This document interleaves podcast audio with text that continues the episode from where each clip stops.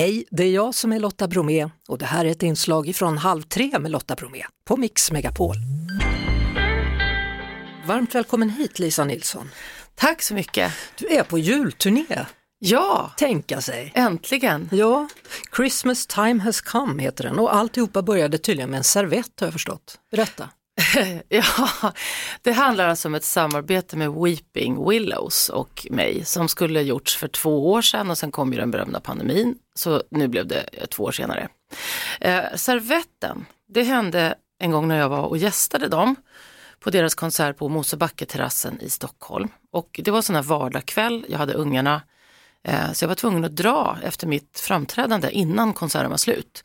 Och det kändes lite så här rumphugget och oartigt så då skrev jag ett jättegulligt meddelande till dem på en servett och förgyllde denna med en sån här rött läppstiftspussmärke och det stod ungefär så här eh, jag älskar er, vill ni någonsin ha en, en permanent eh, kvinnlig bandmedlem så är jag er. Typ så. Och, nu sen- har det blivit så. De tog det på jättestort allvar. Ja. och här är resultatet. ja, Ja, så nu åker ni land och rike runt här. Du ska upp norröver imorgon då i tre dagar. ja precis. Hur funkar det med att ha två barn liksom och vara ute och resa? Går det bra? Det går för det mesta jättebra. Vi, eh, vi är två samarbetsföräldrar som som regel aldrig turnerar samtidigt. Det här är första julen vi turnerar samtidigt. Men eh, då, då finns det lite andra bonusmänniskor som tack och lov steppar in och hjälper till. Det löser sig. Om vi pratar om den här julturnén då så eh, liksom beskrivs den som lyxig. Ja, vad fint. Ja, men det är lyxigt för mig, är det aslyxigt att inte bara vara ensam, liksom drif, driftig frontfigur, chef och allt det där. Jag är ju liksom gäst i ett herrsällskap som är hur sköna som helst. Och så är det förstärkt då med stråkar och blås. Ja, och så är det lyxigt på det sättet. Det är full produktion, det är jättesnyggt ljus, det är liksom rökmaskiner och, och stråk och blås och kör och allt vad det är. Så att det är liksom, ja inte stor kör då, men liksom vi har Carolina Wallin Perez med oss som spelar alla möjliga saker och sjunger jättefint. Så att det är lyxigt. Weeping Willows de gjorde ju en, en hel julplatta. Och så tänkte Ja, jag, två tror jag till och med. ja, två tror Ja. är det nog. Och, och så tänkte jag, men du måste ju ha gjort det. Nej, det har du inte. Nej, Varför då? Nej men det är märkligt. Jag Det är brukar säga att jag är liksom snart berömd för att vara den minst motiverade uteblivna julskivan i hela Sveriges bransch. Ja. för att alla tycker så här, om någon ser ju du, du borde gjort för 30 år sedan, var det liksom den tionde borde vara i produktion i år. Så är det. Jag är en julmusikmänniska egentligen, men jag har alldeles för många sorters julmusik som jag kan och vill och älskar. Så jag har liksom aldrig kunnat riktigt välja. Och så har jag haft turen att få en massa andra projekt hela tiden igång som gör att jag inte alls vill gå in i studio och sjunga julmusik i juli som det brukar vara när man ska få ut det. Ja. Utan då har jag varit på turné eller gjort musikaler och allt vad jag hållit på med. Så det, har, det har inte blivit av. Nej, Det men ska nu, bli av. det blev av för du har sjungit in två låtar ihop Ja. med Weeping Willows och Magnus Två Carlsson. duetter Mm. blev det. Vi lyssnar på en av dem nu då. Det är bra den där låten. Hörru. Den är happy. Ja. Jag tycker den är jättefin. Vi sa det, vi måste göra glada jullåtar. För vi skrev dem ju, eller de skrev dem och vi samarbetade. Och, och, och då var ju liksom pandemin hann ju gå igång. Så man kände att man vill liksom inte öka deppet. Utan för snarare försöka peppa loss lite hopp och tro mitt i allt. ja, hur var pandemin för dig? Ja, den var tung av flera skäl. Så det var ju tungt för alla men jag hade lite otur med i princip allt samtidigt i livet också. Så att eh, det har varit en resa som vi brukar kalla det nu för tiden. Ja, eller hur? vad, hade du otur med? Vad var, allting kom på en gång? där? Ja men det var mycket som hände. Jag förlorade närstående som var jättebetydande för mig på eh, dels traumatiskt vis, en, en crewmedlem och sen morsan som försvann i Alzheimer och det var ju bara liksom jätte, jättejobbigt. Och sen hade jag annat som jag inte ska prata om i radio som hade med, vad ska vi säga, eh, ofördelaktiga förehavanden kring byggnation och, det ekonomi, eh, och ekonomiska konsekvenser som som man har kunnat läsa lite om i, i kvällspress tror jag, om man har varit riktigt uppmärksam. Ja, det har jag nog Ja. inte varit då. Nej, det ska det var inte vara heller för det är fullständigt ointressant. Ja, något vad det nu var. Det var en jättelång lång och väldigt konstig omskrivning av, av eh, Knepig situation kan vi säga. Men det börjar lösa sig. Vad bra!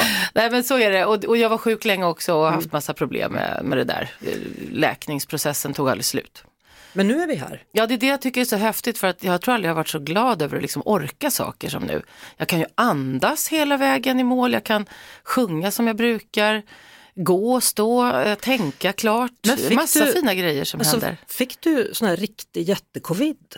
Ja, men jag hade ganska lång, sån här, den här seglivade varianten som Mm. tydligen ger rätt långa efterverkningar också. Eh, plus att jag hade andra infektioner och skit så här. Så att jag, hade, jag hade liksom otur med precis allt. Eh, men, men det är ju som de brukar säga. Det är rätt häftigt ändå att få sådana där tjottablängare någon gång i alla fall. För det, det blir ju så fint att se vad man klarar. Alltså jag går ju runt med hybris nu och tycker att jag är, jag är en sån enastående överlevare. Och jag, jag, liksom, ja, men jag är tacksam, stolt och mallig över att shit vad bra vi fixade upp det här trots att det var så tufft. Jätteskönt är det. Men, men du, du gick ju in i väggen en gång i tiden. Ja det har jag gjort flera gånger. Jaha, flera gånger. Ja, Ja. jag är inte gjord för det här egentligen. Jag jobbar liksom trots mig själv med, med ett yrke som är supersocialt. Men, men det fanns en grej som jag, som jag fäst mig vid och det var att Ja. du åkte till Brasilien och du blev kvar där. Det tycker jag är så himla bra, för att snacka om att vara spontan då. Du skulle Ja. åka hem, men sen nej, jag är kvar här ett tag till. Ja men du vet det är så sällan det händer att man har tillfälle. Det vill säga jag hade inget skivkontrakt längre, det hade löpt ut. Jag vägrade skriva på nytt, jag hade inget eh, förhållande, jag hade just skilt mig. Så ingen man, hade inga barn än. Eh, du vet, det var ju öppet. Jag hade inte ett enda åtagande i agendan på, eh, o, vet det, eh, på obestämd tid. Så att jag kunde ju stanna. Det fanns möjlighet och då Ja. gjorde jag det. Och du måste ha haft en ombokningsbar biljett då med andra ord. Det kan man lugnt säga. Ja, hur många gånger bokar du om? det vill du inte veta. Men första vändan, fem månader tog det istället för tre veckor. Ja. Så att, eh, jag hittade så himla mycket fint och det var, det var en jättebra plats för min återhämtning. Det var ju liksom en återhämtning som handlar om en fullständig jättemega karriärsbomb och identitetskris på den som skulle landa så att jag fick liksom bli vuxen och hämta hem mig själv från kosmos typ. Och Var, det, det var jättebra att göra det där. var i Brasilien landade du? Jag var i, i Rio de Janeiro och framförallt i kvarteren runt Ipanema. Härligt. Mm, Det är väldigt vackert där. det har ni man ju hört. Det har man hört om man har varit där. The Girl from Ipanema. Nu kör vi en Weeping Willows Lisa Nilsson-låt till. Det var så fint du berättade om han som byter däck på din bil. ja, jag var ute och bytte däck och så fick jag komplimanger för den här musiken. Ja. Att den, den gjorde folk glada, även på bilmäckställen eller vinterdäcksbyten. Ja, men man blir glad av den där låten. Ja, Jag med, Ja. jag älskar att sjunga den. Du, eh, vi går mot jultid, eller det är ju jul, du ser ju hur det ser ut här inne. Ja, jag satt just och upptäckte den här fantastiska fåtöljen som har fått, eh, eh, den har. Brasilienflagga ser jag, och tomteluvor. Självklart, Brasilien, alltid Brasilien. Fantastiskt. Ja. Hur, hur tänker du det? Gillar du julen? Ja, jag gillar julen. Även om den är en, ska vi säga, en liksom, den erbjuder utrymme för konfrontation med hur alla mår och olika relationer i familjer och sånt där som alltid ska med. Men runt allt det där så finns det en sån otrolig julkärlek för, från min sida. Jag, jag tycker om maten, jag tycker om pyntet och liksom det här lite overkliga, sagoaktiga, förhöjda läget som, eh, som är så omhändertagande och fint. Mm. hur mycket av ditt julfirande och dina traditioner har du med dig hemifrån? Mycket. Ja. Alltså jag hade ju liksom, på pappas sida så var det också så, pappa jobbade både som jazzpianist och som kyrkoorganist. Vilket gjorde att vi spenderade mycket tid i kyrkan med den här musiken och körerna och ingick i hans körer. Hade konserter där varje jul och så. Så att vi har ju fortsatt, även efter att han slutade och pensionerade sig i kyrkan, så har vi varje annan dag så kommer han med en liten bunt notpapper och delar ut lagom efter ett par snapsar. Och så har vi sjungit med varierande eh, tonsäkerhet Ja. dessa vackra sånger. Så det är väldigt mycket tradition för mig, också med maten. Hemlagat och inlagt liksom i veckor innan och sådär. Ju, du har ju sett till att turnén fortsätter ju sen på andra sidan nyår här då, med några spelningar i Danmark. Men annars så slutar du i god tid så du kan fixa innan julafton. Ja men alltså jag, jag tar julpass, Weeping Willows och Lisa Nilsson, vi, vi kör, kör till 18 december då vi avslutar i Stockholm.